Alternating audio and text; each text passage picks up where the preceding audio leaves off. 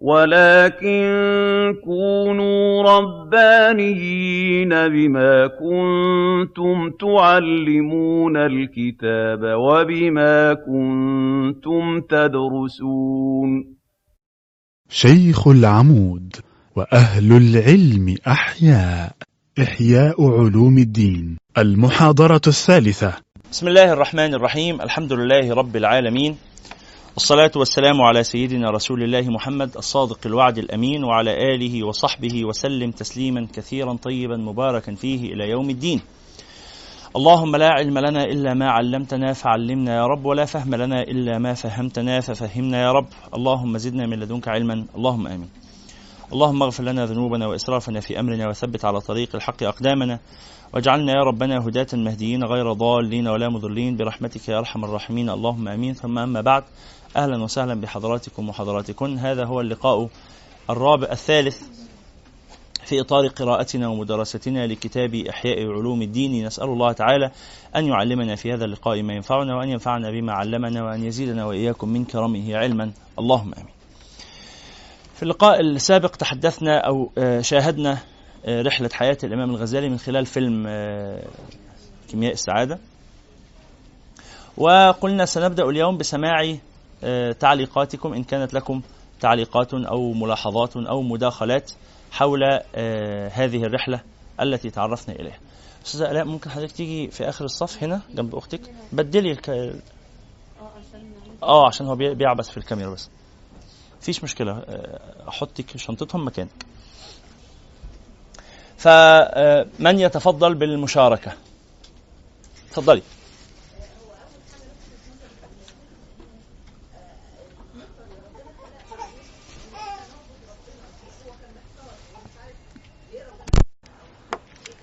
استاذنكم ابعتوا الجهاز ورا. لحظة لما الجهاز يوصل لحضرتك علشان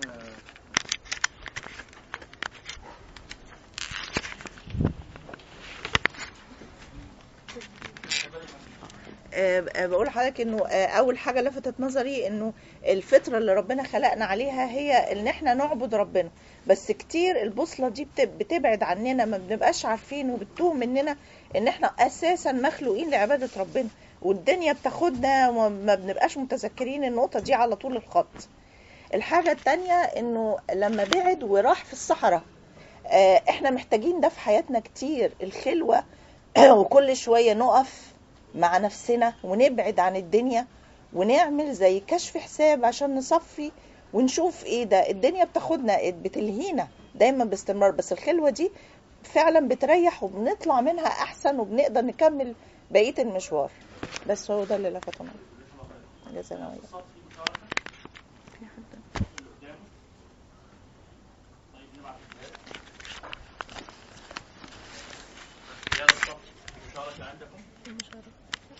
أي مشاركة؟ تعليق يا جماعة.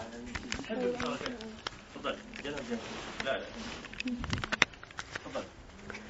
آه طيب أنا هقول لفت نظري حاجة إن إن رحلة الإمام الغزالي كلها كانت مبنية على يعني على عنصرين من رأيي. هو الصدق واللا تخلي.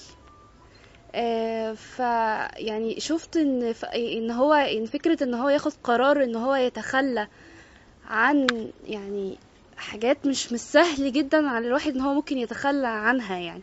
في مقابل إن هو عايز يوصل ل... ل... يعني لتزكية النفس أو إن هو يعني يربي نفسه أو يزكي نفسه دي مش حاجة سهلة خالص. فلما فكرت كده شفت إن الواحد أحيانا في حياته هو إحنا بيحصل لنا ده على فكرة. يعني إحنا في أوقات بيحصل لنا موضوع التخلي ده سواء برضانا أو غصب عننا يعني. ف...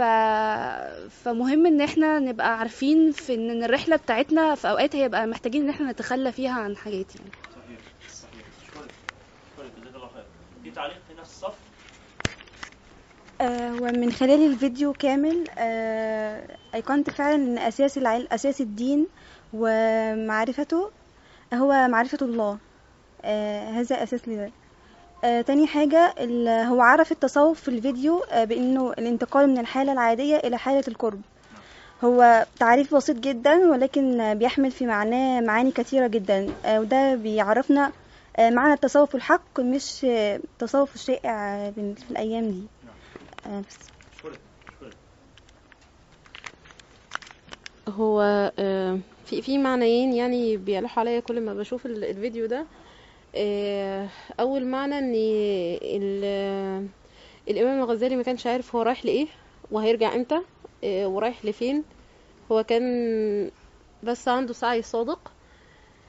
آه، حضرتك كنت قلت لنا قبل كده الهدايات ال- أنواع الهدايات. ف ف- يعني في حيرة بتلي هداية الاستعداد وبتسبق هداية الإمداد. فهو يعني ذهب إلى الله بحيرته يعني. فالله سبحانه وتعالى اصطفاه وصفاه. آه، فذهب في رحلته وعاد. يعني كان ممكن يروح وما يرجعش وما نعرفش أي شيء عنه لكن الله قدر يعني. آه، بس ده ده المعنى. ان الحيرة الحيرة مش دايما حاجة وحشة يعني. ممكن ممكن تكون دليل هداية يعني.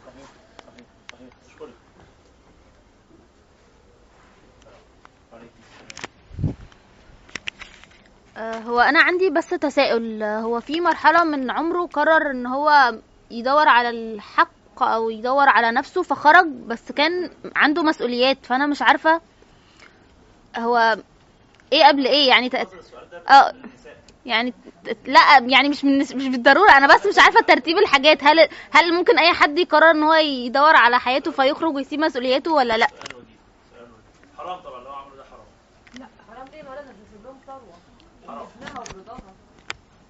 هو متوقع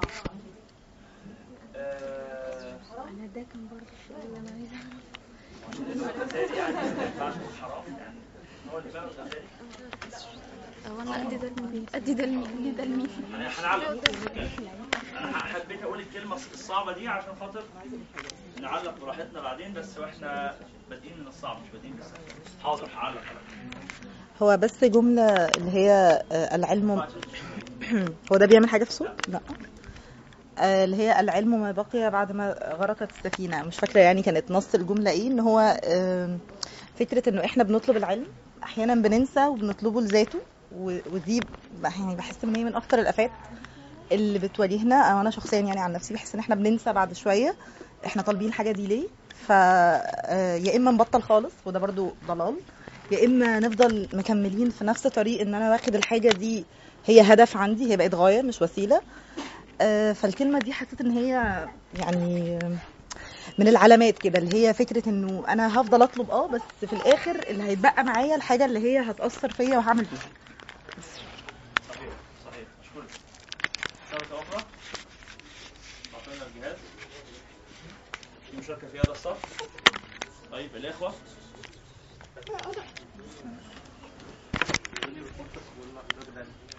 الدنيا بتمطر. طيب اتفضل ارتاح نسأل الله تعالى أن يغفر لنا ذنوبنا أن يجعل جمعنا هذا جمعا مرحوما أن يجعل تفرقنا من بعده تفرقا معصوما اللهم اجعل هذا الخ... هذا المطر خيرا وبركة علينا وعلى أهلنا وأحبابنا. اللهم حوالي- حوالينا ولا علينا. اللهم على الضراب والآكام ومنابت الشجر. اللهم اجعل هذا المطر بالخير آتية ولا تجعله بالشر منذرا. اللهم اجعلنا من المرحومين. اللهم صل على سيدنا محمد في الأولين وصل على سيدنا محمد في الآخرين وصل على سيدنا محمد في الملأ الأعلى إلى يوم الدين. نعود إلى تعليقات الإخوة على الفيلم أو على رحلة حياة الإمام الغزالي. أي مشاركة؟ نكتفي بهذا القدر. توكلنا على الله. عندي آه، عندي تعليق. حاضر. أشكرك. جزاك الله خيرا. أخونا أحمد ذكرنا نحن بنبدأ مجلسنا بالقرآن فتعالوا نفتح المصاحف. ها سورة البقرة آية رقم 258 تفضلوا مستعيذين بالله. أعوذ بالله من الشيطان الرجيم. بسم الله الرحمن الرحيم. ألم تر إلى الذي حاج إبراهيم في ربه أن آتاه الله الملك إذ قال إبراهيم ربي الذي يحيي ويميت قال أنا أحيي وأميت. قال إبراهيم فإن الله يأتي بالشمس من المشرق فأت بها من المغرب. فبهت الذي كفر. والله لا يهدي القوم الظالمين. أو كالذي مر على قرية وهي خاوية على عروشها. قال أنا يحيي هذه الله بعد موتها. فأماته الله مئة عام ثم بعثه. قال كم لبثت؟ قال لبثت يوما أو بعض يوم. قال بل لبثت مئة عام. فانظر إلى طعامك وشرابك لم يتسنه. وانظر إلى حمارك ولنجعلك آية للناس. وانظر إلى العظام كيف ننشزها ثم نكسوها لحما. فلما تبين له قال أعلم أن الله على كل شيء قدير. وإذ قال إبراهيم رب أرني كيف تحيي الموتى؟ قال أولم تؤمن؟ قال بلى ولكن ليطمئن قلبي. قال فخذ أربعة من الطيب الطير فصرهن إليك.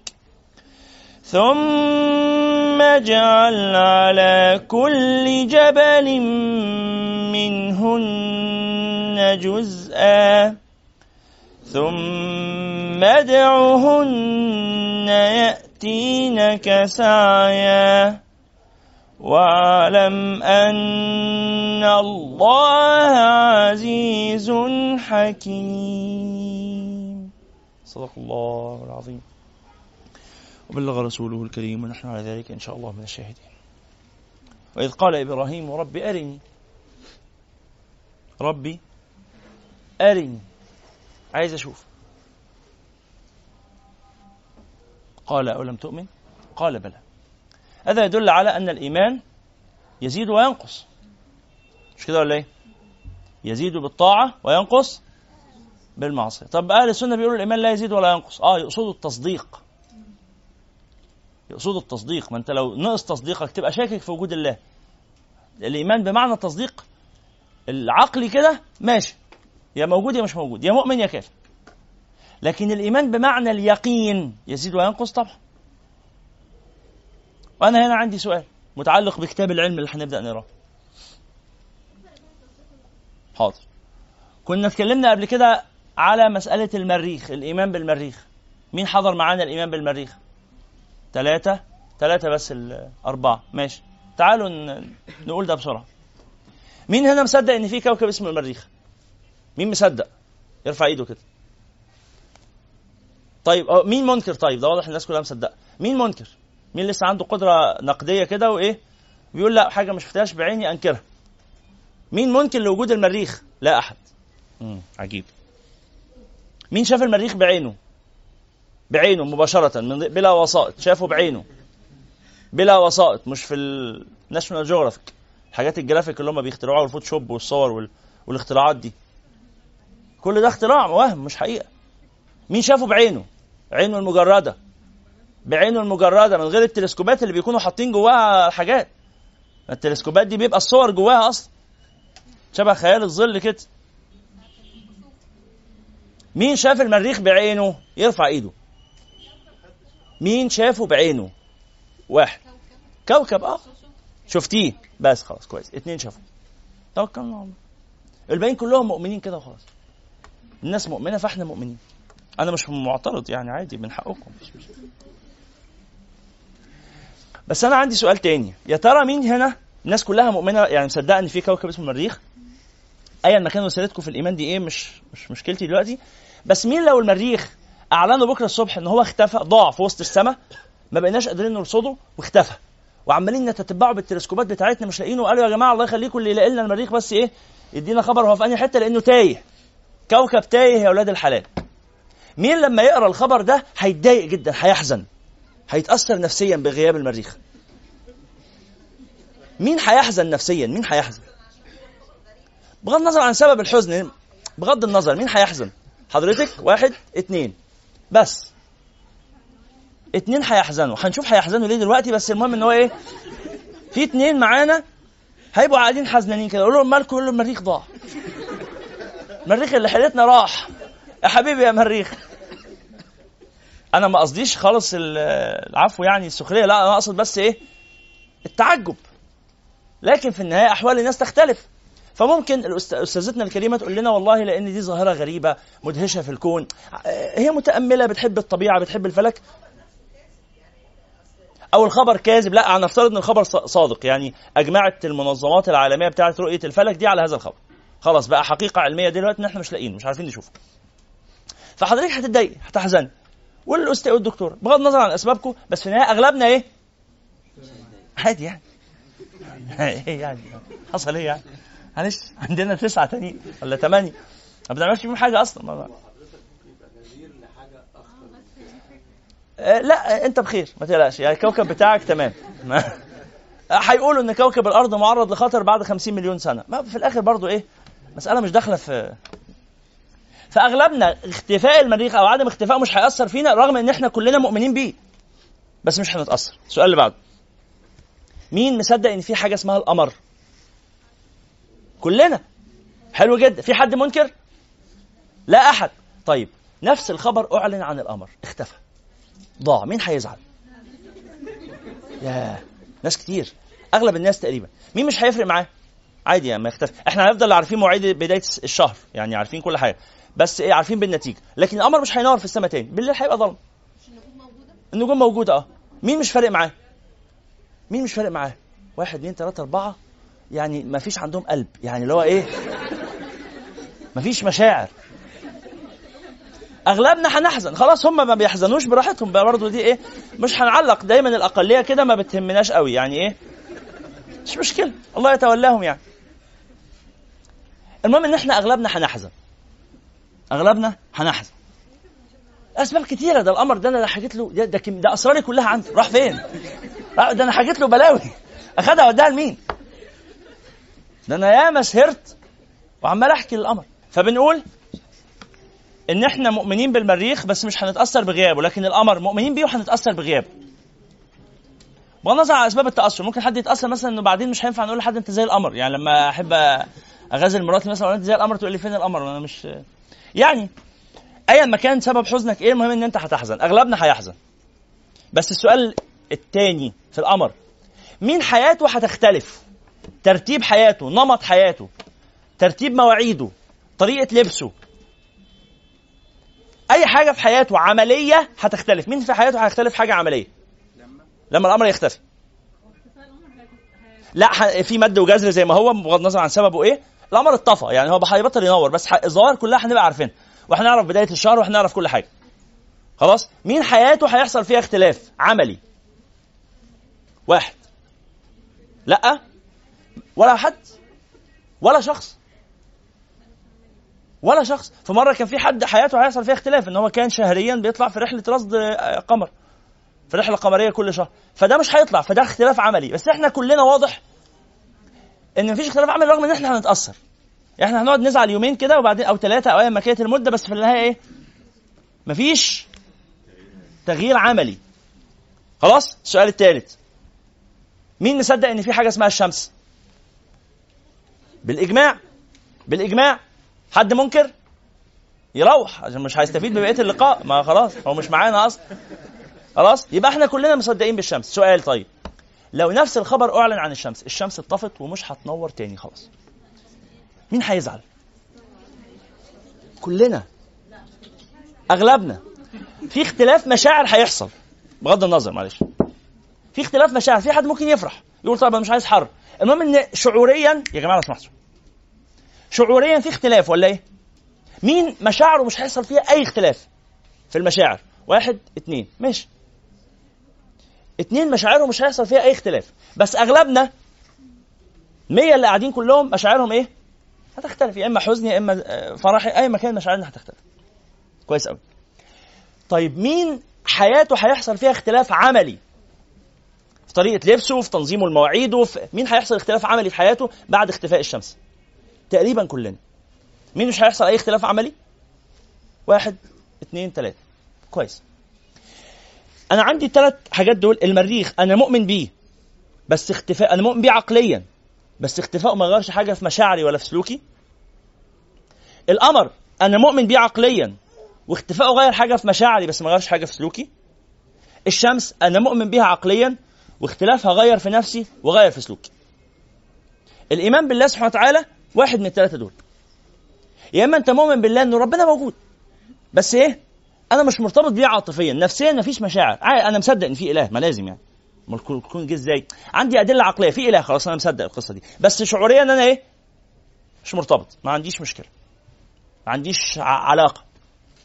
في مستوى تاني؟ لا هو موجود. وأنا مرتبط بيه وبحبه جدا. بس حياتي ما فيهاش ما صدق عملي.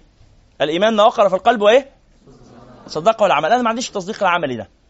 أنا عمليا كان ما فيش إله بس أنا من جوايا مقتنع إن في إله وقلبي بيحبه قوي. ماشي كده؟ إحنا كلنا مؤمنين بالمريخ بس ليه علاقتنا بيه مش قوية؟ وعلاقتنا بالقمر قوية رغم إن إحنا ما رحناش لا ده ولا ده. مفيش تواصل. البعيد عن العين بعيد عن القلب. اللي ما بيشوفش ربنا مش هيحبه. إذا ما شفتش ربنا مش هتحبه. ولذلك لازم تشوف ربنا. وتشوف ربنا دايما تشوف ربنا في كل موقف وتستغل كل موقف إن هو يزيدك علما بالله. إحنا قرأنا المرة اللي فاتت الآيات بتاعت العلم. النهارده والتعليق قلناه خلاص. النهارده سيدنا إبراهيم عنده حالة شبيهة. بيقول رب أنا عايز أشوفك. ربي أرني أنظر إليك. مش ده كان طلب سيدنا موسى؟ ربنا قال له إيه؟ لن تراني. وإذا سألتك أن أراك حقيقة فاسمح ولا تجعل جوابي لن ترى. أنا عايز أشوف. ربي أرني. قال له م- مش هتشوف قال آه، آه، آه، سيدنا إبراهيم قال إيه؟ لا سيدنا إبراهيم طلب وبتاع ربي أرني كيف؟ عايز أشوف وسيلة عايز أشوف عايز أقرب. عايز يبقى عندي تجربة عملية تقربني شعوريا.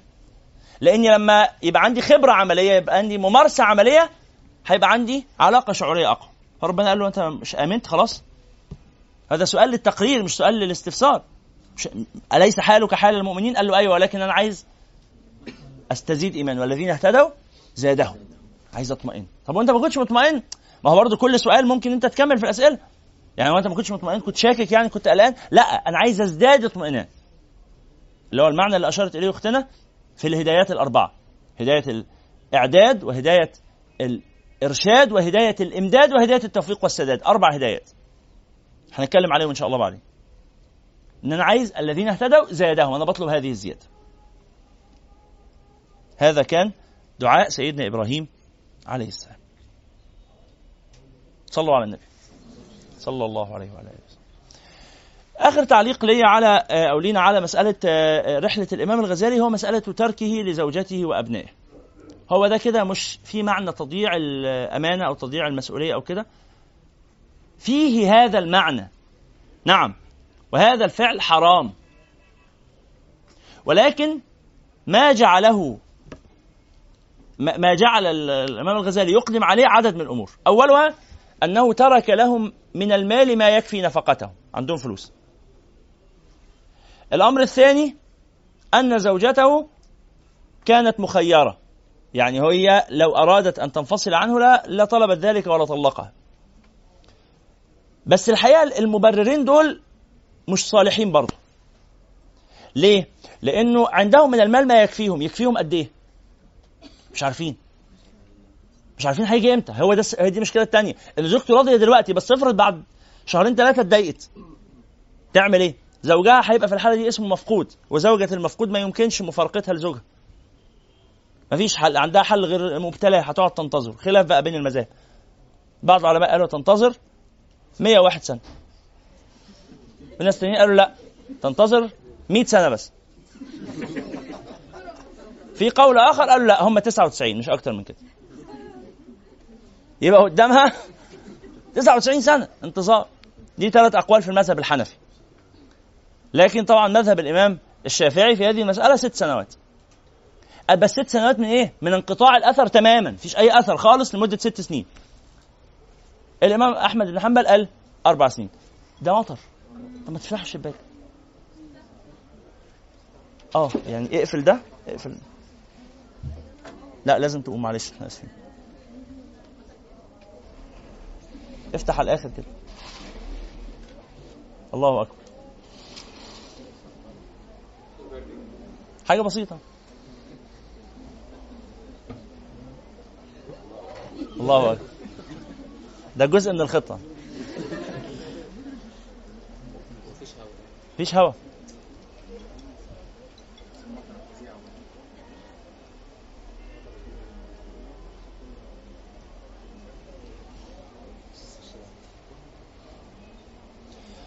وأحيت السنة الشهباء دعوته حتى حكت غرة في الأعصر الدومي صلى الله عليه وعلى آله وصحبه وسلم.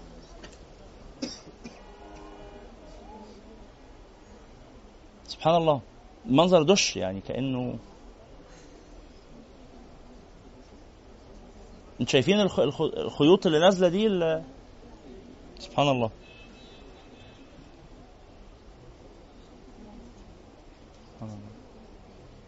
يحكون أن شتاء هذا العام آه، من أصعب الشتاءات التي مرت على مصر. نعم. يعني آه، فألا حسنا بالله تعالى نعم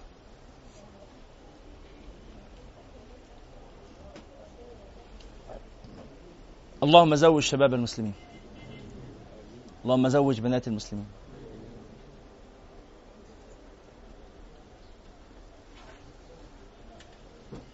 ملوش علاقة بالمطر ده بس. صلوا على النبي. الناس اللي جنب الشباك بردانين؟ فنقول يا أساتذتنا الكرام إن هو مش عارف هو راجع إمتى فهو يعرضهم للإيه؟ لشيء من المخاطرة. طبعا اللي قلل المخاطرة شوية أنه عهد بحفظهم لأخيه فأخوه كان بيرعاه أخوه كان بيرعاه لكن برضه ده مش مبرر لأن في الآخر دول عيالك أنت ودي مراتك. فحتى يكره إن الرجل يعني يترك أهله أكثر من أربعة أشهر.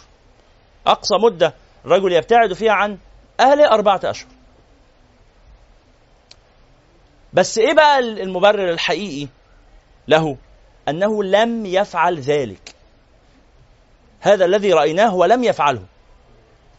إنما فعل به. بمعنى أنه لم يكن مختارا. كان مريضا. مضطرا. جاله مرض نفسي. فمرضه النفسي ده الحاله اللي هو كان فيها دي حالة مش عارف يتكلم وفاقد القدرة على التدبير والتواصل وكل حاجة. فهو في حالة من قريبة من انعدام التكليف هو مش مكلف. فهمتوا الحالة؟ هو غير مكلف يعني لو هو هيقعد ياخد قرار واعي ما كانش هيعمل كده.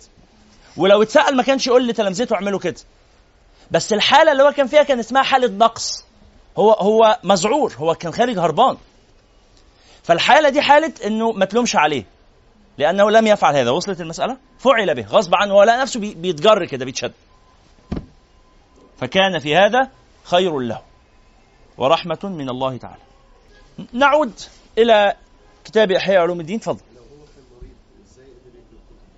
إزاي؟ لا ما هو ما كتبش في مرحلة الاختفاء.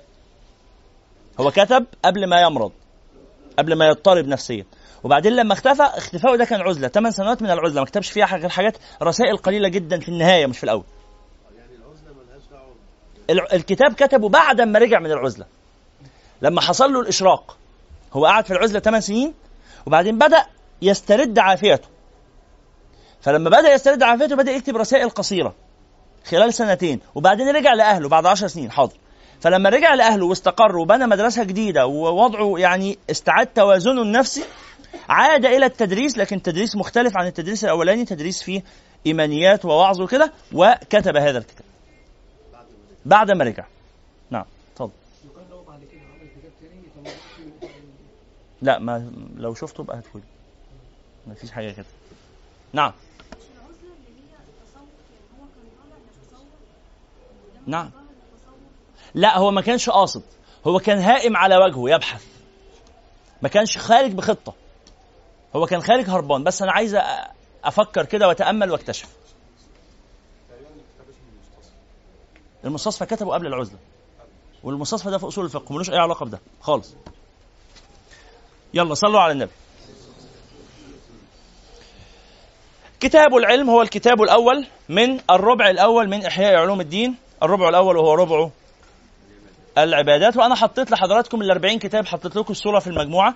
في حد لسه مش معانا في المجموعة؟ مجموعة دروس أنس مدرسة شيخ العمود. طيب لو سمحتوا بس اعملوا search في فيسبوك علشان بننزل عليها لما يكون في أي حاجة بنقول عليها. تكليفات أو أي حاجة بننزلها في المجموعة دي. فاعمل search على فيسبوك بهذا الاسم دروس أنس. ما أظنش. ممكن تحركيها شوية شمال. لا لا شوية في النص شوية كمان. آه. خلاص؟ بس كده. آه المجموعة على فيسبوك اسمها دروس أنس مدرسة شيخ العمود. هتلاقوا فيها إن شاء الله صورة ال- الفهرس اللي كنا عرضناها في في المحاضرة اللي فاتت. كتاب العلم افتتح به الإمام الغزالي هذا السفر الكبير إحياء علوم الدين لأنه إحنا هنتكلم عن إحياء العلوم. فما هي العلوم؟ خلاص؟ فدي بداية منطقية. أنتوا جايين تتعلموا يا من ستقرؤون كتابي أنتم تريدون العلم أنتم تطلبون العلم. فما هو العلم؟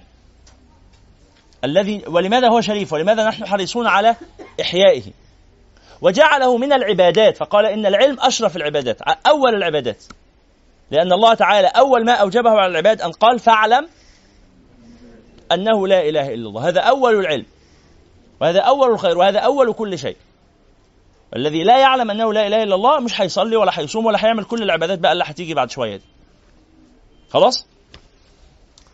كتاب العلم قسمه إلى سبعة أبواب. فجعل الباب الأول في فضل العلم والتعلم والتعليم. ثم جعل الباب الثاني في الفرق بين العلم المحمود والمذموم. والباب الثالث فيما يعده الناس محمودا وليس كذلك. تحذير من بعض العلوم اللي الناس متعلقة بها وتطلبها. الباب الرابع في أسباب إقبال بعض الناس على هذه العلوم المذمومة. والباب الخامس في آداب المعلم والمتعلم. والباب السادس في آفات العلم. العلم ليه آفات فكيف تتخلص منها؟ والباب السابع والأخير في شرف العقل وفضل العقل ومكانة العقل الذي هو وعاء العلم. فنبدأ بحمد الله وتوفيقه مع الباب الأول في فضل العلم والتعليم. قال الله تعالى يرفع الله الذين آمنوا منكم والذين أوتوا العلم درجات. قال ابن عباس رضي الله عنهما للعلماء درجات فوق المؤمنين بسبعمائة درجة ما بين الدرجتين مسيرة خمسمائة عام. يعني يقول هو هذه الدرجات أوعى تفكر إنها حاجات بسيطة كده. ده هي درجات كثيرة. وهذه الأرقام التي تذكر هنا ليست على سبيل التحديد ولكن على سبيل المبالغة والبيان والشرح. فما حدش يحسبها فيقول 700 في 500 يطلع بر... ما بتحسبش كده. القصد أنها درجة بعيدة جدا بين العالم والمؤمن. المقارنة بين ليست العالم والفاجر. وسيأتي هذا في أحاديث النبي صلى الله عليه وسلم. ويقول الله عز وجل قل هل يستوي الذين يعلمون والذين لا يعلمون؟ ويقول الله عز وجل إنما يخشى الله من عباده العلماء. ويقول الله عز وجل قل كفى بالله شهيدا بيني وبينكم ومن عنده علم الكتاب. ويقول الله عز وجل قال الذي عنده علم من الكتاب أنا آتيك به تبيينا على أنه اقتدر بقوة العلم. شوف هذا التعليق الجميل من الإمام الغزالي. تعرفون هذه القصة؟ من الذي عنده علم الكتاب ده؟ قصة سيدنا سليمان. قال الذي لما قال إيه؟ أيكم يأتيني بعرشها قبل أن يأتوني؟ مسلمين قال عفريت من الجن أنا أتيك به قبل أن تقوم من مقامك وإني عليه لقوي أمين. قال الذي عنده علم من الكتاب أنا أتيك به قبل أن يرتد إليك طرفك من هذا الذي عنده علم؟ من الكتاب. في خلاف بين المفسرين ومن يعني أجمل الأقوال في هذا أن الذي عنده علم الكتاب هو سيدنا سليمان. هو نفسه. لأنه سأل الناس لا طلبا منهم بل تعجيزا. قال أيكم يأتيني بعرشها؟ يلا وروني قدراتكم. مين يقدر؟ فقال العفريت أنا أقدر. أتيك به قبل أن تقوم قبل ما اليوم يخلص. أنت قاعد القعدة بتاعتك دي قبل ما المجلس ينفض أكون رحت. لغاية اليمن ورجعت لك تاني في الشام. قال له أنت تعبان. ليه؟ تستخدم وسائل أنا هجيبه من غير وسائل فقام رد عليه قال له قال له بقى أنا آتيك به اللي هتجيبه لي قبل ما أقوم من مقامي أنا آتيك به قبل أن يرتد إليك. طرفك أتى به كيف؟ بالعلم. إيه العلم اللي كان عنده؟ اسم الله الأعظم. فدعا الله باسم الله الأعظم فأحضر الله تعالى العرش بلا أسباب. خلاص؟ اسم مخصوص. اسم مخصوص. وفي خلاف كبير بين العلماء. الشاهد؟ قال الذي عنده علم من الكتاب أنا آتيك به. فدل على أنه اقتدر هذه القدرة بقوة العلم. وقال الله تعالى وتلك الأمثال نضربها للناس وما يعقلها إلا العالمون. وقال الله تعالى ولو ردوه إلى الرسول وإلى أولي الأمر منهم لعلمه الذين يستنبطونه منهم. وقال الله تعالى يا بني آدم قد أنزلنا عليكم لباسا يواري سوآتكم. قال بعض المفسرين هو العلم. وريشة قال بعض العلماء هو اليقين. ولباس التقوى قالوا هو الحياء. وهذا من باب تفسير الإشاري تفسير بالمعاني الخفية. إن ربنا سبحانه وتعالى يقول أنزلت عليكم نعمة ظاهرة وباطنة. أنزلت عليكم لباسا يواري سوآتكم. اللي هو حاجة تسترك. إيه اللي يسترك؟ العلم يسترك. وريشة حاجة تتزين بها فإيه التزين ما بعد الستر الأساسي؟ إن العلم ده يورث يقين في قلبك. أم يظهر عليك الزينة. ولباس التقوى ذلك خير. أفضل حاجة بقى في هذه هذا العلم وفي هذا اليقين الحياء الأدب مع الله سبحانه وتعالى. الحياء من الله سبحانه وتعالى. وجه من أوجه التفسير. ويقول الله سبحانه وتعالى ولقد جئناهم بكتاب فصلناه على علم. ويقول الله تعالى فلنقصن عليهم بعلم. ويقول الله تعالى بل هو آيات بينات في صدور الذين أوتوا العلم. شوف كل هذه الآيات وغيرها كثير. وهذه مجرد أمثلة. في ترغيب كتاب ربنا سبحانه وتعالى في طلب العلم. وامتن الله تعالى على الإنسان فقال الرحمن خلق الإنسان علمه البيان. قال وإنما ذكر ذلك في معرض الامتنان. يعني من على الإنسان بأنه علمه البيان. وأما الأخبار فقال رسول الله صلى الله عليه وسلم صلوا على النبي. أول ما يذكر اسمه ترفع الصوت على طول وتصلي عليه صلى الله عليه وعلى آله. قال عليه الصلاة والسلام من يريد الله به خيرا يفقهه في الدين. هذا حديث متفق عليه. ده أول حديث بنذكره مع بعض بنقرأه يعني من كتاب الأحياء.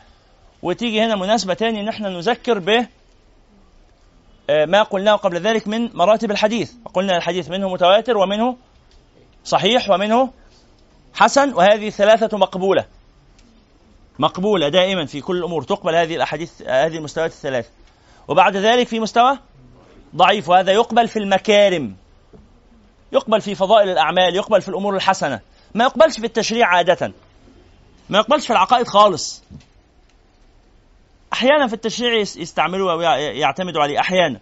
في العقائد لا ابدا. لكن في فضائل الأعمال حديث ضعيف بس إيه احتمال يكون النبي قال مش إحنا قلنا ده تعريفه؟ يشك في نسبته للنبي صلى الله عليه وسلم؟ بس هو بيأمرني بحاجة كويسة. يبقى تعتمد عليه وتاخد بيه يعني لا بأس. هنلاقي بعض الأحاديث الحافظ العراقي بيعلق عليها وانتوا عندكم الكتب اللي معاكم أغلبها فيها تخريج الحافظ العراقي.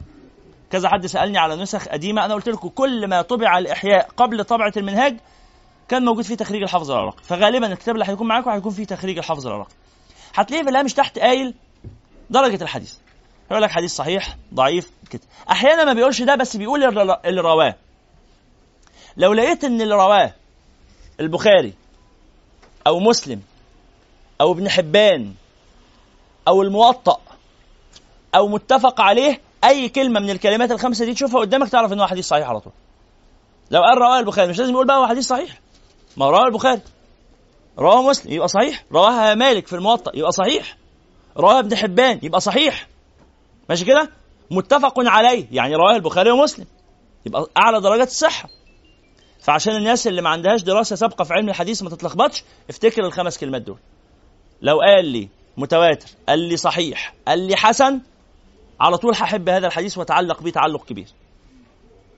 ولو قال لي ضعيف هحبه برضه واتعلق بيه برضه لأنه فيه من ريحة الحبايب. يعني هو احتمال يكون النبي قال ولو قال لي موضوع لا حنبذه لا مش للدرجة دي بقى. موضوع هسيبه.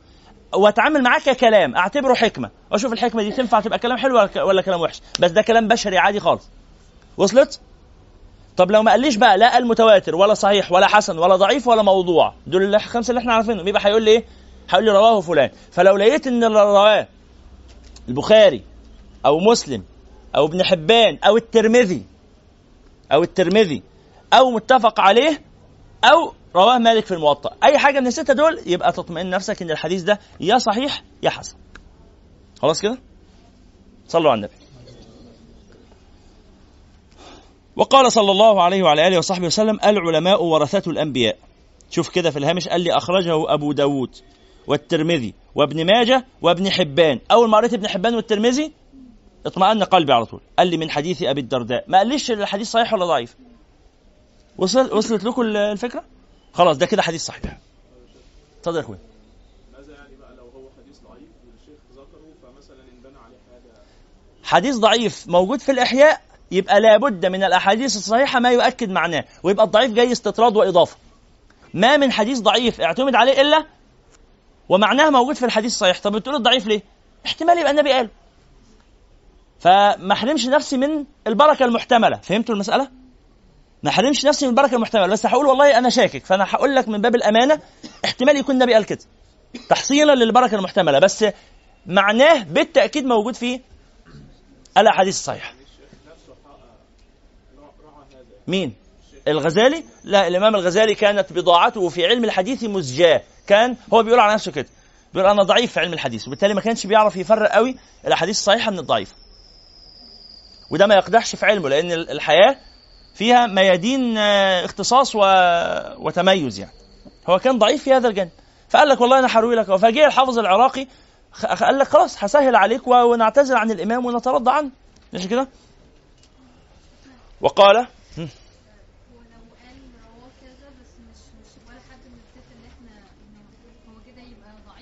لا ما يبقاش لا ضعيف ولا موضوع. يبقى يبقى مش عارفين لسه. يبقى هنروح نبحث بقى. نبقى ندور بعدين. يعني ممكن يبقى يقول لي والله الله رواه أبو داود ويسكت. وما يقوليش أي حكم عليه. يبقى ده كده احتمال يبقى صحيح واحتمال يبقى ضعيف. مش متاكدين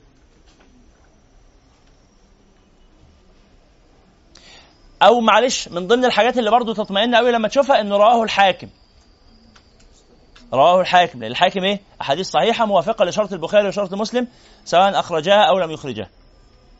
مش عايز أدخل معاكم في تفاصيل حديثية يعني بس دي الأسماء اللي تطمئن لما تشوف الحديث موجود في كتبهم بخاري مسلم متفق عليه عندهما ابن حبان آه، مالك رضي الله عنه ابن أنس والحاكم والترمذي. تطمئن قوي. والباقيين ما تشكش. الباقيين مش بقول لك ان الباقيين يبقى ضعيف والباقيين يبقى موضوع. الباقيين كان مهمتهم الجمع وما حبوش يحكموا كتير. فهمتوا الفكرة؟ في علماء اهتموا لما يجمعوا الأحاديث يجمعوها ويحكموا عليها. في علماء تانيين كان اهتمامهم إيه؟ أنا هجمع. غيري بقى يبقى يحكم. أنا عملت اللي عليا الحياة أدوار. أنا عملت دوري جمعت.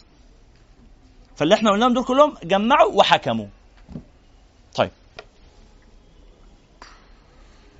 وقال النبي صلى الله عليه وسلم العلماء ورثة الأنبياء ومعلوم أنه لا رتبة فوق رتبة النبوة.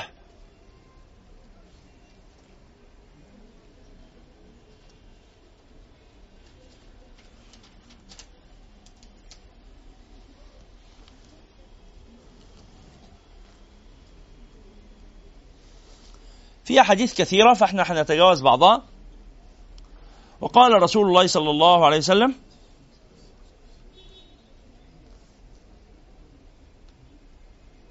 الناس معادن كمعادن الذهب والفضة فخيارهم في الجاهلية خيارهم في الإسلام إذا فقهوا. الفقه يرفع الناس. وقال صلى الله عليه وعلى آله وصحبه وسلم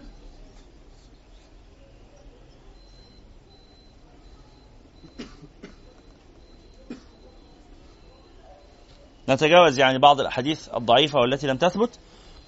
فضل العالم على العابد كفضل القمر ليلة البدر على سائر الكواكب.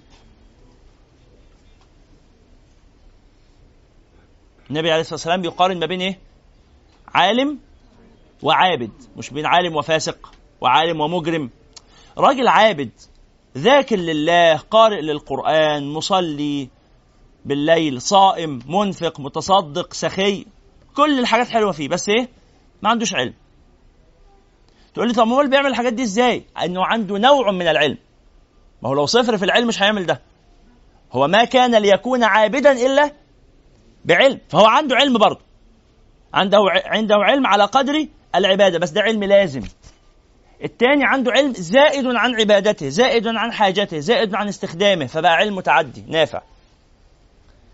فبحصول رتبة النفع العام كان أعظم رتبة ودرجة. فضل العالم على العابد كفضل القمر. ليلة البدر حتى مش في يوم المحاق ولا في يوم الهلال ولا في يوم ال...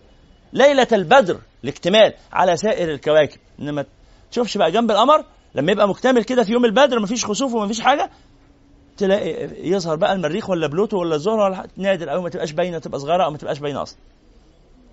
والقمر فارد نفسه كده.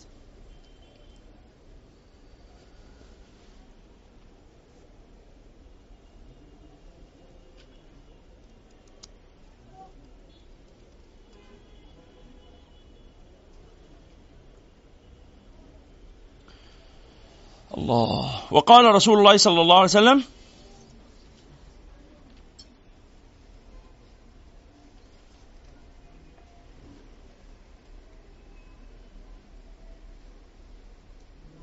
ما عبد الله تعالى بشيء أفضل من فقه في الدين ولفقيه واحد أشد على الشيطان من ألف عابد. ولكل شيء عماد وعماد هذا الدين الفقه. هذا حديث ضعيف الإسناد ولكن معناه صحيح تماما.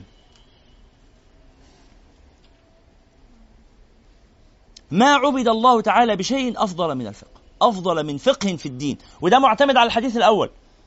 الصحيح من يريد الله به خيرا؟ انظر الناس يريدون الخير من الله لكن الذي يتفقه في الدين أراد الله به الخير.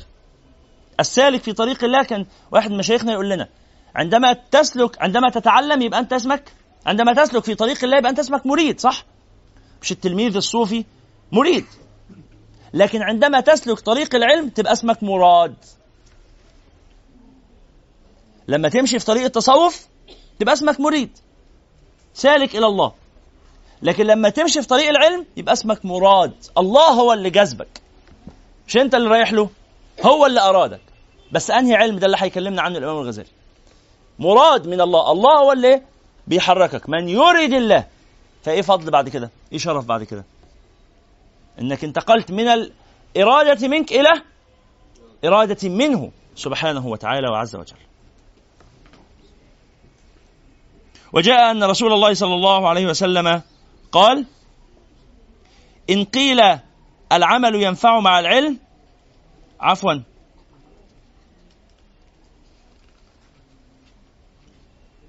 قال إن قيل إن العمل ينفع مع العلم بالله إن قليل العمل أسف إن قليل العمل ينفع مع العلم بالله وإن كثير العمل لا ينفع مع الجهل بالله. وهذا الحديث أيضا حديث ضعيف ولكن معناه صحيح.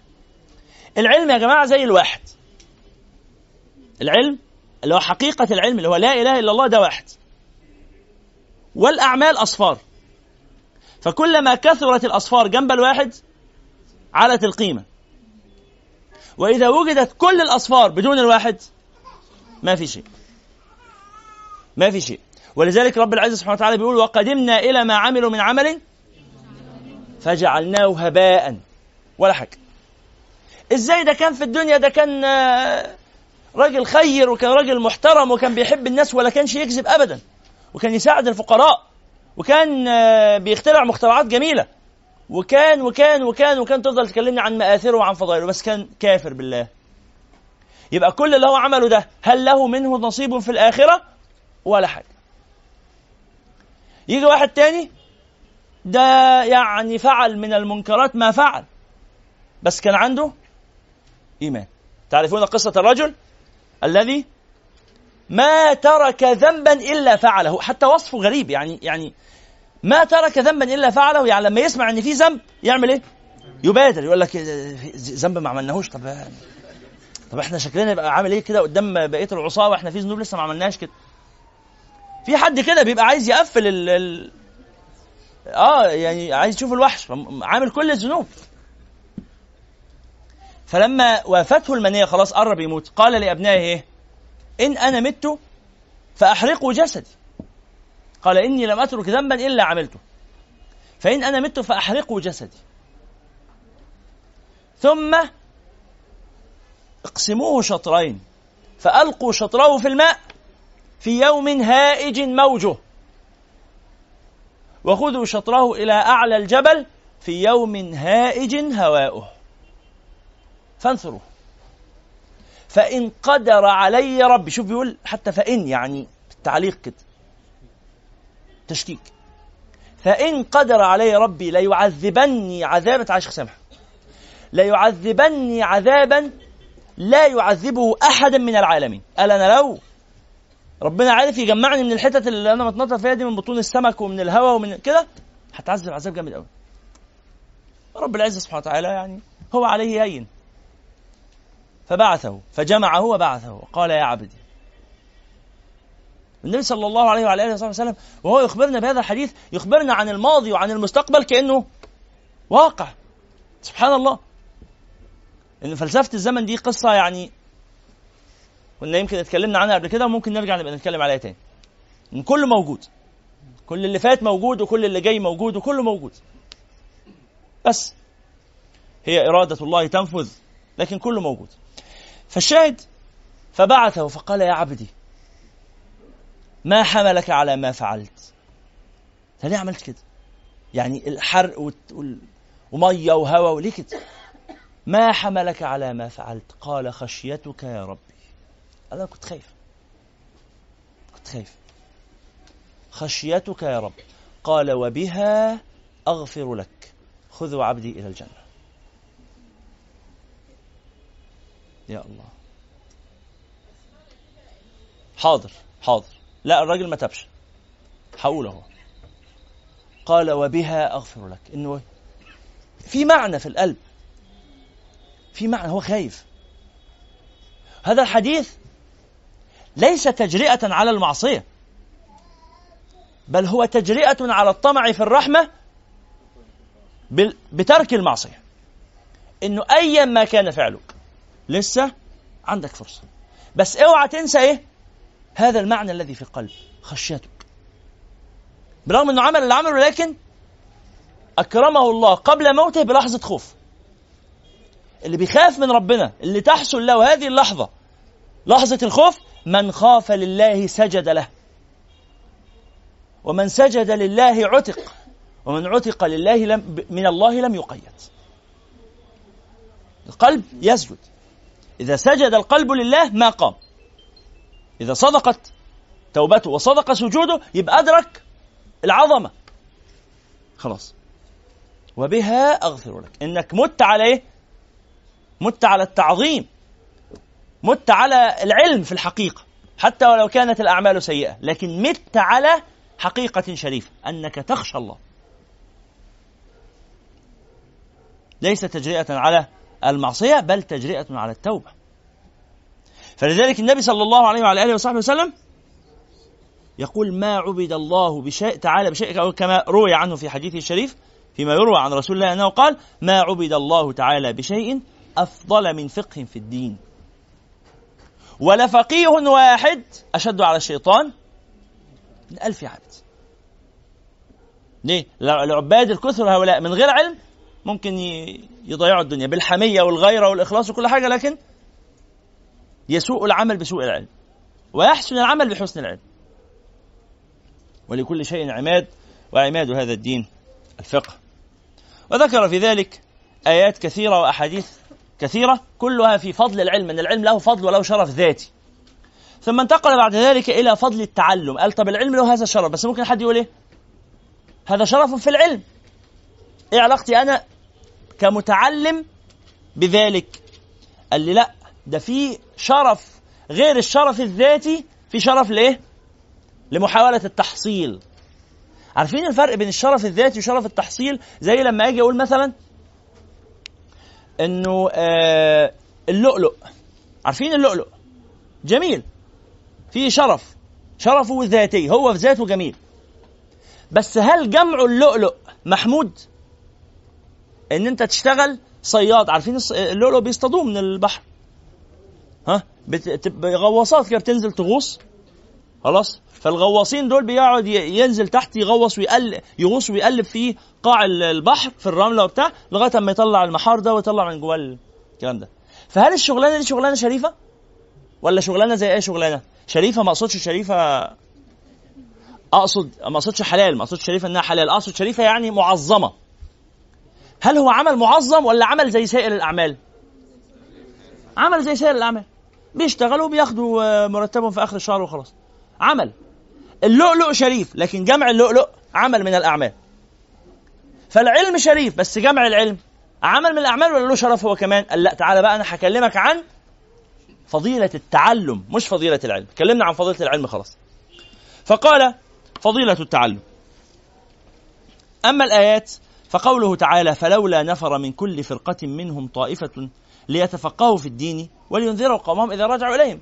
الآية ما كان المؤمنين أن ينفروا كافة مش كلنا هنطلع نطلب العلم. ولا كلنا هنطلع نجاهد. ينفع؟ كلنا نبقى مجاهدين. كلنا في الجيش. كلنا في الشرطة. كلنا في المهندسين كلنا أطباء. ما ينفعش. لازم يحصل تقسيم تخصصات. فناس هتخرج تجاهد في سبيل الله وناس هتقعد تتعلم. أهو اللي قعدوا للتعلم دول ثوابهم ليس أقل من ثواب المجاهدين في سبيل الله. ليه؟ لأن المجاهدين في سبيل الله يحتاجون إلى هؤلاء الجالسين للتعلم لأنهم لما يرجعوا هيقولوا لهم علمونا اللي أنتم تعلمتوه. فلولا نفر من كل فرقة أمة كبيرة طائفة. وجلس الطائفة. الطائفة اللي جلست دي تقعد تعمل إيه؟ تتعلم تتفقه في الدين. ولينذروا قومهم إذا رجعوا إليهم لعلهم يحذرون. نبدل بقى الأدوار. يرجع ال... ولذلك سيدنا عمر قال كنا نتناوب رعية الإبل على عهد النبي صلى الله عليه وسلم. أو ده سيدنا عقبة. سيدنا عقبة بن عامر. قال كنا نتناوب رعية الإبل على عهد النبي. يعني يعني إيه؟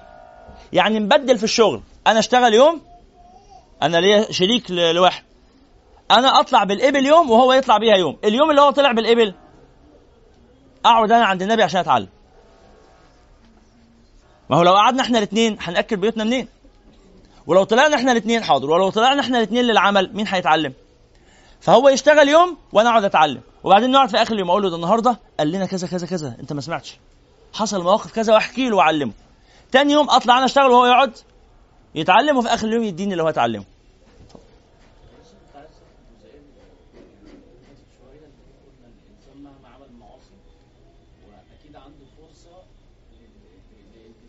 نعم في مثلا نموذج مثلا لما نقول البنت أو الست اللي مثلا تبقى مش محجبه وتقول أنا مثلا مش هتحجب غير بعد الزواج نعم غير بعد ما اوصل 50 سنه نعم.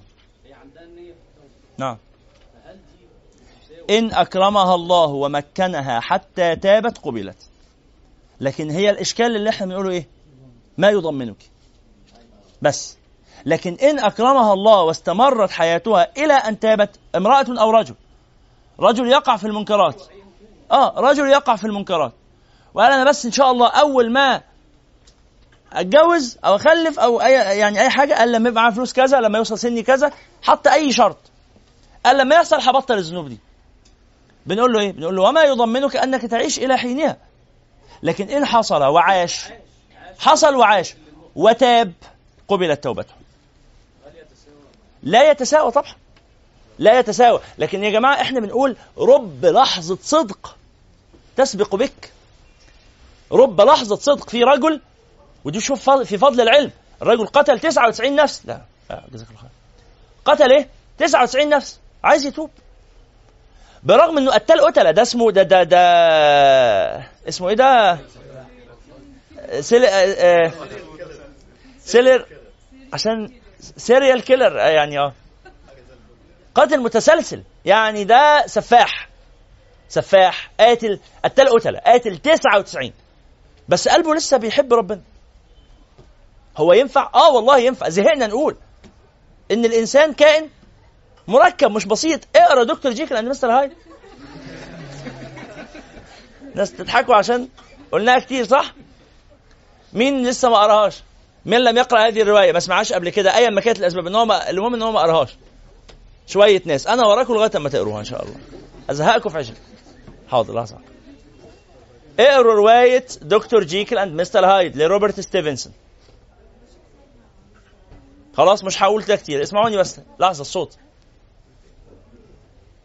مرة تانية. الإنسان كان إيه؟ مركب مش بسيط. فيوجد جواه الاثنين ضدان في قلبي. ملاك صالح يضنيه عفريت شقي مجرم. تتصارع الرغبات تأكل بعضها والقلب يلهج بالدعاء ويتمتم. خلاص؟ ف عايز أتوب. يا جماعة دلوني على عالم. فدلوه على عابد. الراجل هناك ده راجل دايما بيصلي راجل محترم وخاشع و... وبيبكي من خشية الله. روح قول له ساعات اللي عابد زيادة ده مع قلة العلم عبادته دي تبقى خطر على المجتمع. ليه؟ لأنه بينظر للمجتمع إنه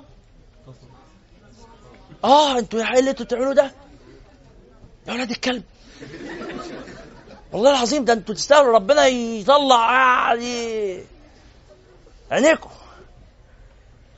ها؟ قلت لكم قبل كده؟ كنا في مكان ما و يعني كان عدد كبير شوية في مكان ضيق يعني. فقاعدين وبعدين جه وقت الصلاة قمنا نصلي. يلا يا اخوانا مين هيصلي معانا؟ نسأل عن الناس اللي هيصلوا عشان في شوية كانوا بيصلوا شوية ما بيصلوش. شوية اللي بيصلوش دول كانوا يعني منهم بيشربوا مخدرات وحالتهم صعبة شوية. بس إحنا قاعدين مع بعض في المكان في الآخر لازم نفضل قاعدين مع بعض. عشان يعني إيه القعدة حلوة ويعني مش معنى إن هم أصحاب معصية إن إحنا نسيبهم يعني. فإحنا قاعدين. فيلا يا إخوانا نقوم نصلي. فقمنا نصلي. فالأخ آه، كان اسمه منصور ربنا يبارك فيه. الأخ ده كان يعني تاجر مخدرات. آه أنعم وأكرم يعني. تاجر مخدرات. فلما قمنا نصلي قام الناس قاعدة بتتكلم وقاعدين بعضهم بيحشش وبعضهم حاجات زي كده. فقام بيزعق لهم يقول لهم إيه؟ يا جماعة بلاش صوت. عشان المشايخ هيصلوا. آه. بأداء كده بلاش صوت عشان المشايخ هيصلوا. قمنا بالفعل اتوضينا وبدأنا الصلاة. أول ما بدأنا الصلاة الناس لسه بتتكلم. قام زعق. هو أنا مش قلت مش عايز أسمع صوت. المشايخ بيصلوا. الناس لسه مكملة كلام. فقال الراجل اللي ابوه راجل يسكت عشان المشايخ بيصلوا. الناس لسه بتتكلم. قام قال يا ولاد دين التيت هو أنا مش بقول المشايخ بيصلوا. إحنا جوه الصلاة. يعني والله ما يتنافس ده الله قوي إيمانك يا اخ منصور بس حرام عليك يا أخي تكفر بالله عشان إحنا بنصلي. يا حسام الدين ترتيب الأولويات يعني مضروب. الصلاة برضو آه يعني نكفر آه بس بس الناس تقعد في هدوء عشان المشايخ بيصلوا. لا إله إلا الله. ده إيه وضعه؟ ده محب لله على فكرة. ده محب لله برغم إن السلوك يعني واضح القبح.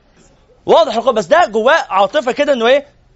مشايخ بيصلوا فعلى الأقل إن ما كنتوش محترمين أنا عارفكم أصلا كلكم عيال حاجات صعبة شوية. بس إيه؟ لسه في حتة احترام. ولذلك كان لما يبقوا قاعدين بيحششوا أول ما الأذان يأذن يشيل سيجارة الحشيش. آه والله. احتراما على فكرة ما هو ده دليل زي اللي بيت في الأغاني ده دليل آه، تعظيم ده مش حاجة وحشة. يعني يا جماعة وده هيكلمنا عنه الامام الغزالي. ليس إنكارنا على منص أنه يطفئ السيجارة إنكارنا عليه أنه أشعلها. فبلاش تيجي تقول لحظة واحدة بس بعد إذنك. إحنا مشكلتنا مع مع المجرم يعني لما واحد مجرم يعمل حاجة حلوة ما نقولوش أنت مجرم. هو دلوقتي بيعمل إيه؟ حاجة حلوة. هو في اللحظة دي دي اسمها حاجة حلوة. فإنكارنا عليه ولذلك الإمام الغزالي بيقول لو قال نصراني لا إله إلا الله لا تقل هو كافر بها هو كافر بأخرى فاقبل منه هذه. فلما يقول لا إله إلا الله قال كلاما حسنا فخذ منه الحسن. تجد هذا الكلام في كتاب المنقذ من الضلال. قال كل إنسان يحسن ويسيء فإذا أحسن خذ منه إحسانا ولو كانت إساءته غالبة.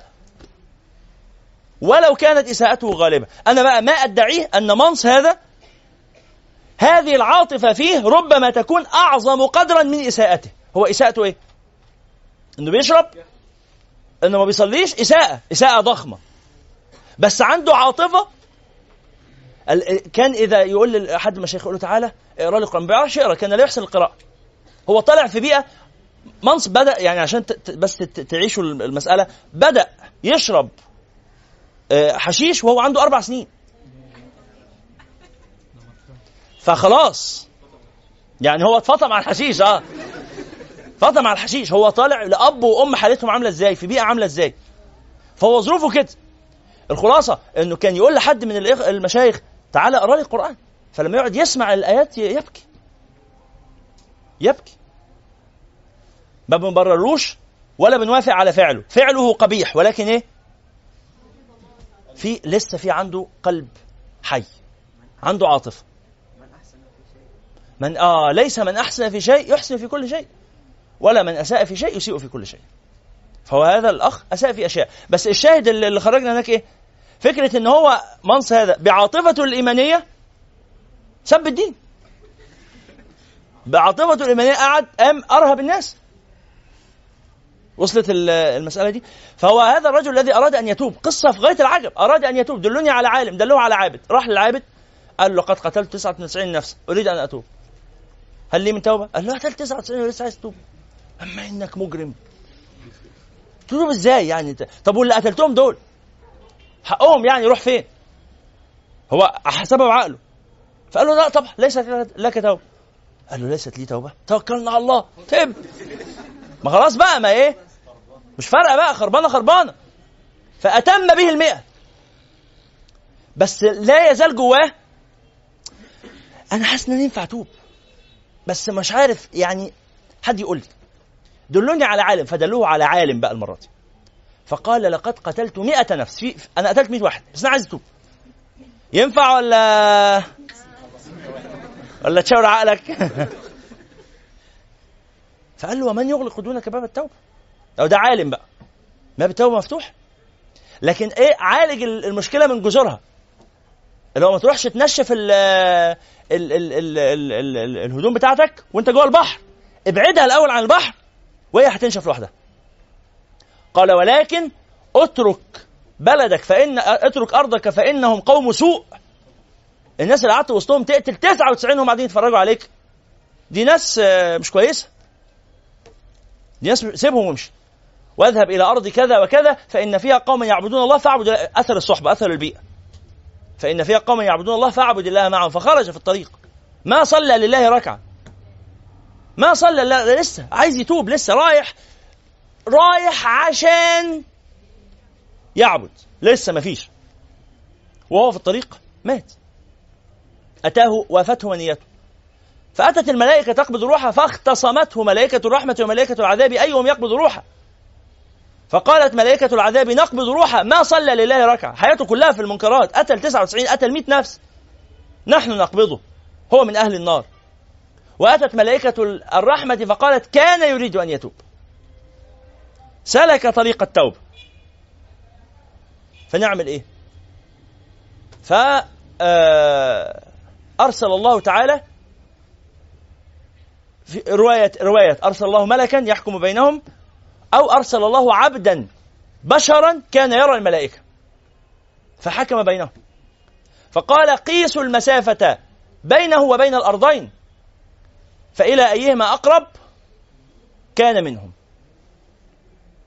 فقاسوا المسافة. فإذا هو. فقال الله تعالى لأرض المعصية تباعدي. ربنا عايز ياخده عايز يقبله. وقال حد هيقول له طب ليه ربنا ما قالش للملائكة على طول اقبضوه لا الله سبحانه وتعالى يريد أن يعلمنا. النبي صلى الله عليه وسلم يحكي لنا القصة دي كلها عشان نتعلم رحمه, رحمة الله سبحانه وتعالى. قال لأرض المعصية تبعدي وقال لأرض الطاعة تقاربي. فلما قاسوا المسافة وجدوه أقرب إلى أرض الطاعة بشبر. وقيل بذراع. مسافة خطوة. فقال الله لملائكة الرحمة اقبضي روحه مرحوم خلاص من أهل الجنة. ربنا عايز يرحم. والله يريد. مين بقى يمنع إرادة ربنا بقى؟ والله يريد أن يتوب عليكم. تمنعها إزاي أنت؟ تمنعها إزاي؟ ويريد الذين يتبعون الشهوات أن تميلوا ميلا عظيما. يريد الله أن يخفف عنكم. تمنعها إزاي؟ ما يفتح الله للناس من رحمة؟ فلا ممسك.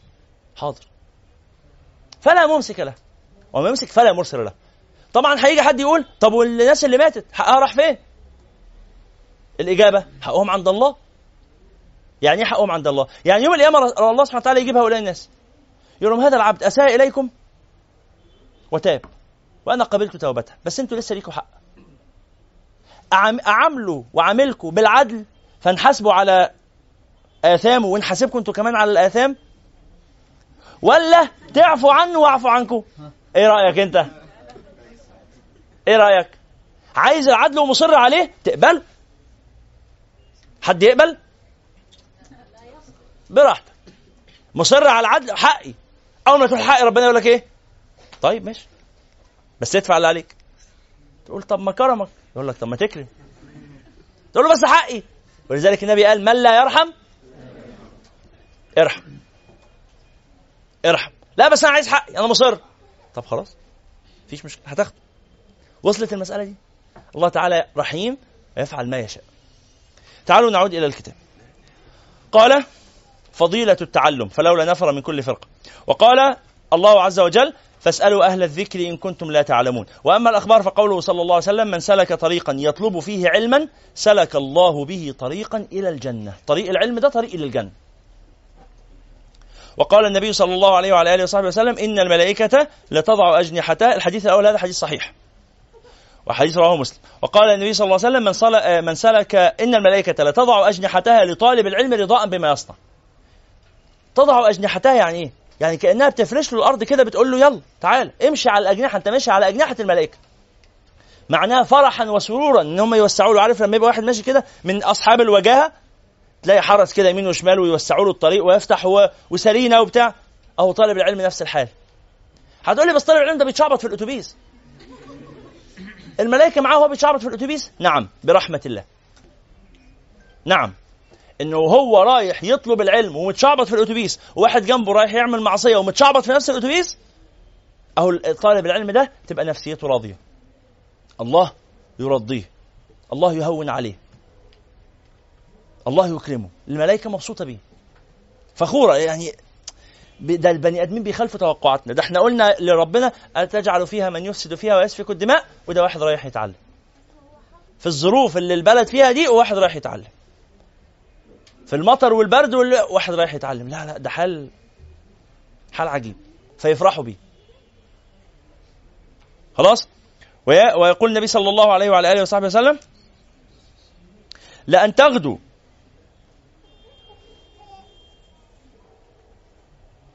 فتتعلم بابا من العلم خير من أن تصلي مئة ركعة.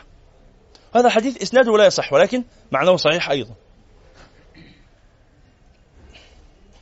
وقال النبي صلى الله عليه وسلم اطلبوا العلم ولو بالصين. هذا حديث مشهور بين الناس ولكنه ضعيف. ولكن معناه صحيح. الصين منطقة بعيدة حتى ولو فين روح اتعلم في أي حتة.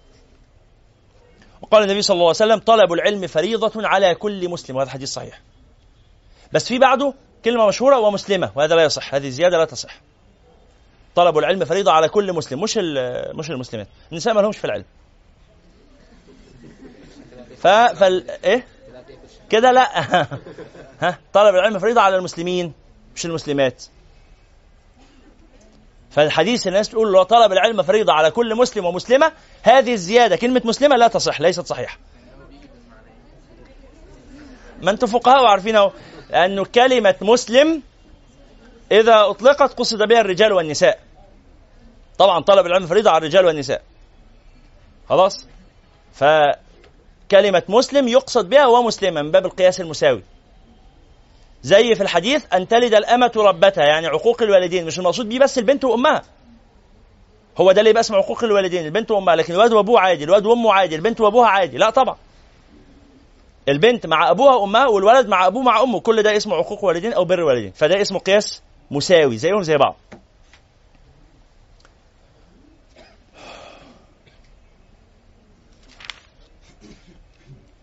وغير ذلك من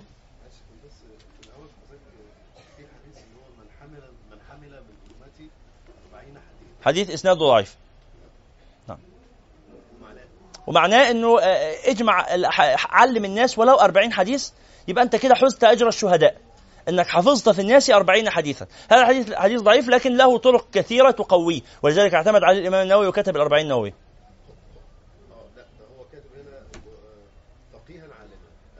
بعث يوم القيامة فقيها عالما وبعث يوم القيامة في رتبة الشهداء وبعث يوم القيامة في رتبة الصديقين. روايات متعددة. في من يجمع أربعين حديثا حتى هو ضعيف الإمام النووي نعم لأنه قال في مقدمة أربعينه وجدت له طرق كثيرة تقويه ضعيف يعمل به. مش إحنا قلنا الضعيف يعمل به في فضائل الأعمال؟ دي نصيحة. يقول لك علم الناس 40 حديث يا أخي. ما فيش حديث خالص. النبي ما قالش كده. أنا بقول لك علم الناس 40 حديث هينوبك ثواب. تقول لي لم يثبت. أقول لك لم يثبت إيه؟ علم الناس 40 حديث هينوبك ثواب. مش محتاجة إثباتات. ده في احتمالية إن النبي يكون قالها. الاحتمالية دي تخليك إيه؟ تسابق. ولو قدرت تخليهم 50 يا ريت. 60 خير وبركة. فهمتوا المسألة؟ لا مش قادر على 40 20 حتى. أي حاجة علم الناس الحديث. فما إيه ما تضيقش دماغك كده إنه لا لم يثبت مش حضرتك العفو أنا أقصد المعنى يعني. صليتوا على النبي؟ صلى الله عليه وعلى آله. ثم توالت بعد ذلك الأحاديث ثم دخل في الكلام عن فضيلة التعليم. قال ماشي خلاص إحنا عرفنا إن العلم شريف. وطلب العلم إن أنا أحرص على جمع العلم وتعلم العلم شريف برضه. طب تعليم العلم للناس هل له شرف؟ ما هو ممكن أو ممكن لا. فإحنا عايزين نستدل على إيه؟ شرف التعليم.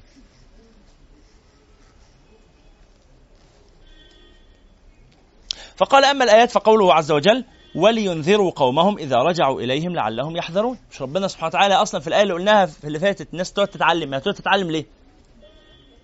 عشان تبلغ عشان تنذر.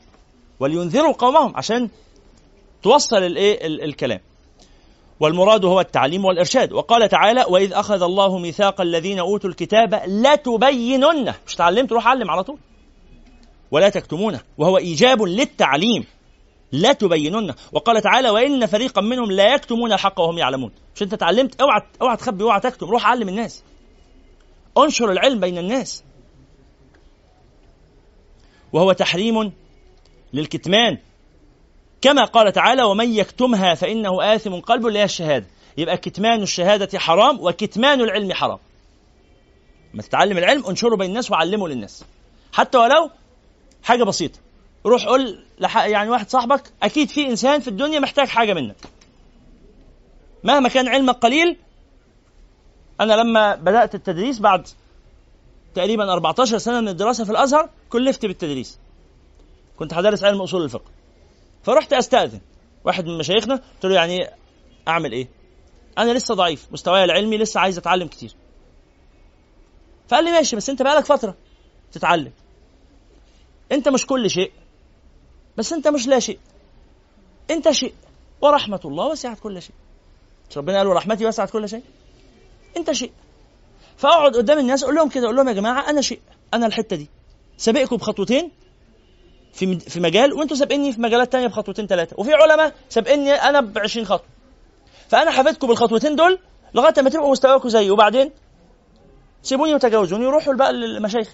قال ما أساتذتك موجودين. فهمتوا المسألة؟ قال بس ما تخليش أساتذتك يبدأوا مع الناس من الصفر. ابدأ أنت. اطلع من الصفر كده لغاية ثلاثة أربعة وبعدين هم هيكملوا طريقهم. فتبقى صريح بس في الحقيقة دي. ما تدعيش إن أنت يعني يا ما هنا يا ما هناك بس. يبقى في النهاية إيه ما من إنسان ايا ما كان مجالك وتخصصك واهتمامك إلا هيكون في حد يحتاج إلى ما عندك. مش كده ولا إيه؟ فينقل هذا. والله تعالى يقول ومن أحسن قولا. من؟ سؤال للتعجب. من أحسن قولا ممن دعا إلى الله وعمل صالحا وقال إنني من المسلمين؟ دعا إلى الله. نشر الدعوة نشر العلم نشر الفضل. قال للناس يا جماعة تعالوا يمشوا في طريق ربنا. هو ده العلم. هو إيه العلم غير إنك تقول لواحد يلا قوم نصلي؟ ما هو ده العلم على فكرة. ما هو ده التعليم. إنك تعلمه كده إن لما الأذان يأذن تطفي سيجارة الحشيش. آه، قصدي يعني. خلاص. أيوه طبعا ده التعليم. بس مش معنى كده إنك تكون مشاركه في السيجارة من الأول. أنت متجنب بس تعلمه بكل وسائل. تعرف حتى في الميكروباص لو انت راكب ميكروباص ومشغل أغاني ويجي وقت الأذان فتقول له سكت الأغنية عشان الأذان. هذا لا يدل على موافقتك على تشغيلها في غير الأذان. فمين اللي عايز أقوله؟ انت بتدل على معنى مختلف عن معنى حرمة الغناء والمعازف عموما إلى معنى تعظيم حرمات الله خصوصا. معنى أتم كده معنى عالي فتشتغل معاه على هذا المعنى العالي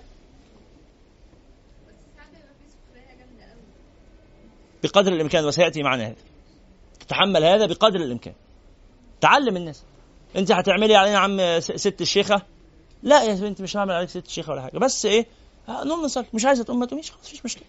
ودايما يعني وسيأتي هذا في أداب المتعلم إن والمعلم إن أنت بتتحلى بالكلام الايه الطيب الحسن الذي لا يجرح المشاعر. يعني وأنت بتكلمي صاحبتك تقول لها خلي عندك دم احترمي نفسك آآ آآ بطلي قلة أدب ونحو ذلك من الكلام الرقيق. تقول لها هتموتي تدخلي نار جهنم البعيدة. ونحو ذلك. يعني ما تقسيش عليها في الكلام عشان خاطر ما تنفرهاش. سنتحدث سنتحدث. في النهاية أنا يمكنني أن أنشر العلم ولو بالعمل. إن إحنا قاعدين بنتكلم وبعدين جه وقت الأذان فقلت له إيه؟ طب معلش هروح أصلي وأرجع. أهي دي لوحدها أنوي بيها التعليم بس. أنوي أنا هروح أصلي دلوقتي ليه؟ عشان يشوفوا إن أنا من أهل الصلاح هم يبقى يرقوني في الشغل. خلاص؟ صح يا شيخ؟ اللهم لا نفاق ولكن رياء وسمعة. أنا مش ده مش ده المطلوب ولا؟ نسأل الله السلامة صحيح؟ نسأل الله السلامة الله يرحمه اللي قالها يعني. واحد صديقنا كان بيقول كده الله يرحمه. ف... فلا طبعا غير صحيح. لكن أنت مش مش قصدك بإظهار آه هذا أن تمن على الناس لكن قصدك أن تدل الناس. وأن تدل نفسك بالناس وأن تدل الناس بك. لأن إحنا في الآخر يحتاج كل منا إلى الآخر. نعم. وقال الله سبحانه وتعالى ادع إلى سبيل ربك بالحكمة والموعظة الحسنة. وقال تعالى ويعلمهم الكتاب والحكمة. هذا دور الأنبياء. يتلو عليهم آياته ويعلمهم الكتاب والحكمة ويزكيهم. في دعاء سيدنا إبراهيم أو يتلو عليهم آياته ويزكيهم ويعلمهم الكتاب والحكمة.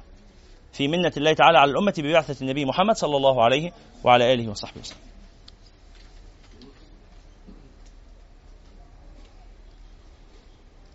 وقال النبي صلى الله عليه وسلم إن الله لا ينتزع العلم انتزاعا من الناس بعد أن يؤتيهم إياه ولكن يذهب بذهاب العلماء فكلما ذهب عالم ذهب بما معه من العلم حتى إذا لم يبق إلا رؤساء جهالا.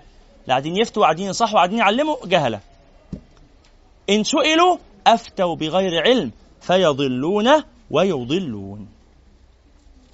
النبي صلى الله عليه وسلم يقول من كتم علما يعلمه ألجمه الله بلجام من نار يوم القيامة. ويقول النبي صلى الله عليه وسلم الدنيا ملعونة ملعون ما فيها إلا ذكر الله وما والاه وعالم أو متعلم. عالم يعلم الناس أو متعلم. وقال الله وقال النبي صلى الله عليه وعلى آله وسلم إن الله سبحانه وملائكته وأهل سماواته وأرضه حتى النملة في جحرها وحتى الحوت في البحر لا يصلون على معلم الناس الخير. شوف هذا الحديث. العجيب الذي نختم به. يصلون على معلم الناس الايه أي حاجة. أي ح... علم الناس إزاي يزرعوا ورد. علم الناس إزاي يفصلوا تريكوه علمي الناس إزاي يروقوا البيت وينظفوه ويخلوا ريحته حلوة. علمي الناس إزاي يعملوا حلة محشي. ما هو خير ولا مش خير؟ أعظم خير. كل خير. مش كده ولا إيه؟ خير كبير. خير كبير. علم الناس إزاي يشتغلوا على برنامج هندسي. علم الناس إزاي يسوقوا عربية. علم الخير. علم الناس إزاي يمسحوا الجزمة بتاعتهم بشكلهم كويس. علم الناس إزاي يربطوا آه، جرافات. علم الناس إزاي أي حاجة. علم الناس إزاي يسرحوا شعرهم. علم الناس أي حاجة. لا يصلون افتكر كده لا يصلون على معلم الناس الخير. أي حاجة أي حاجة من خيري الدنيا والآخرة مشمولة بهذا الحديث. ويعلم هنا مش بالضرورة يبقى مدرس مش. مش لازم تبقى قاعد في مجلس تدريس وتعليم. لا لا وأنت ماشي كده في الحياة. شايف قدامك حد بيعمل حاجة بس إيه؟ النبي صلى الله عليه وسلم قال إيه؟ تعين صانعا أو تصنع لأخرق. واحد ما لا يحسن ما بيعرفش يعمل حاجة معينة تروح تعملها له. أو بيعملها بس بيعملها غلط. أو تعبان فيها فتساعده في عملها. تعلم الناس الخير أي حد يعرف يعلم أي حد أي حاجة يعمل كده. خلاص؟ على معلم الناس الخير. وقال صلى الله عليه وسلم من أفاد المسلم اخاه فائده أفضل من حديث ما أفاد المسلم أخاه فائدة أفضل من حديث بلغه فبلغه. أعظم فايدة تعملها إيه؟ وصل لك حديث؟ روح قول. قول له مش أنا النهارده سمعت إن النبي صلى الله عليه وسلم قال كذا. بس كده. خلص الموضوع. والله أنا سمعت. يعمل بقى ما يعملش يطبق ما يطبقش. دي مش مش, مش مسألتك خالص. تروح تكتب بس كده ملاحظة على فيسبوك. يا جماعة ده أنا اكتشفت النهاردة ما كنتش أعرف. حديث أول مرة أسمعه. كذا كذا. بس أنا بلغت. إيه؟ تبقى نبقى قاعدين في قاعدة كده تتفاجئ كده تقول شفتوا اللي حصل؟ ده أنا النهاردة سمعت حديث. كذا كذا. بكرة الصبح في الشغل. تقول لهم ده امبارح بالليل كنت في حتة وسمعت كذا كذا. هيتريقوا صح؟ مش مهم. أنا بلغ طب أنا مش عايز الموضوع يبقى تريقة. واحدة صاحبتي مقربة مني وأكلمها بإيه؟ بقدر من ال ال الهدوء كده والجدية أقول لها بص يا فلانه الحديث ده اكتبه لها فرق لو أنا مش مش حافظاه. لو أنت مش حافظه مش تكتبه لها تكتبه له. مش دعوة بيها هي هتتصرف هي صاحبتها هتتولاها خليك أنت في إيه في أصحابك وهم يعني ربنا هيتولاهم. عشان ما تروحش أنت بذاكر لزميلاتي في العمل. أنا ما ما- معلش أخواتي في الله ما يهدى ليش آه، بال غير لما أبلغهم حديث رسول الله صلى الله عليه وسلم. اللهم قوي إيمانك يا شيخ.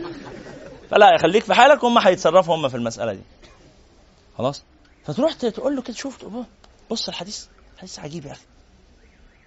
تعالى أعلمك حاجة تعالى علمني حاجة تعالى إحنا الاثنين شطار في حاجة نروح نعلمها لواحد صاحبنا. أو لو بإمكاني أطبقه وأنشره تطبيقا وأبلغه آه أبلغه بالعمل. وخير البلاغ العمل. وخير البلاغ العمل. ما أفاد المسلم اتفضل يا أخوي. أي حد. أي حد. حتى لو كان اسمه إسلام زكريا. أي حد أنت خطبت ولا لسه؟ لسه. حتى لو كان هيخطب قريب إن شاء الله.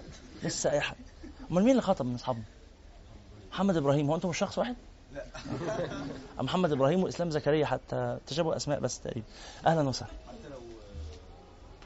حتى لو أي حد حتى لو شارب خمر وحتى لو آه، والعياذ بالله زاني وحتى لو سارق وحتى لو قاتل وحتى لو فاعل للمنكرات مش هو. الأبعد. لحظة بس. حتى لو كان المبلغ هذا أبأس الناس حالا. حتى ولو كان أبأس الناس حالا. يقول إيه؟ والله بلغني أن رسول الله قال. حتى لو أي حد بلغني أن رسول الله قال. بلغني أن رسول الله قال. ده أنت بتنشر حديث بنعلق هنا على حديث النبي صلى الله عليه وسلم. لكن تعليم علوم الدنيا لمن يستعملها ضد المسلمين لا حرام. أنا والله أنا شاطر جدا في صناعة القنابل. هروح أعلم أنا بنشر الخير. أبص اللي هيجي لي يتعلم هعلمه. أنا أستاذ دكتور في كلية هندسة وخبير في المسألة دي. إيه اللي هيجي لي هديله العلم. أنا ما بخلش بالعلم لا حرام. حرام لأن ده إيه؟ يعود بالضرر على المسلمين. إن الله وملائكته وعلى السماوات والارض لا يصلون على معلم الناس. الناس عندما تطلق في القرآن وفي السنة يقصد بها الجماعة المؤمنة. الناس جماعة المؤمنين الصالحين. فيعلم المسلمين أو حتى يعلم الكفار بس الكفار الذين لا يحاربون. يبقى الذم أهل الذمة أهل الناس اللي أهل بلدنا اللي بيننا وبينهم تعاون و... و... و... و... ومناصرة تعلمهم. خلاص؟ لكن تعلم أعداء الإسلام ياخذوا العلم ده ويجوا يحاربون به لا هذا حرام لا يجوز. وذكر بعد ذلك مجموعة من الآثار والكلام الجميل عن فضيلة التعلم والتعليم. أنك تعلم العلم وتنشره في الناس. وقال إن حركة الحياة لا تستقيم إلا بهذا ثم بدأ في الباب الثاني في بيان الفرق بين العلم. خلاص أنا عرفت إن العلم ده شريف قوي بس أنهي علم بقى؟ أنت بتتكلم واضح على حاجة مخصوصة. ما هو هذا العلم الذي تحدثت في فضله كل هذا الفضل؟ فقال تعالى أبين لك في الباب الثاني الفرق بين العلم المحمود والعلم المذموم وأقسام كل منهما وأحكام كل منهما وهذا هو ما نقرأه في اللقاء المقبل إن شاء الله تعالى. وصلى الله على سيدنا محمد وعلى آله وصحبه وسلم. هو الذي بعث في الأميين رسولا منهم يتلو عليهم آياته ويزكيهم ويعلمهم الكتاب والحكمة وإن كانوا من قبل لفي ضلال مبين.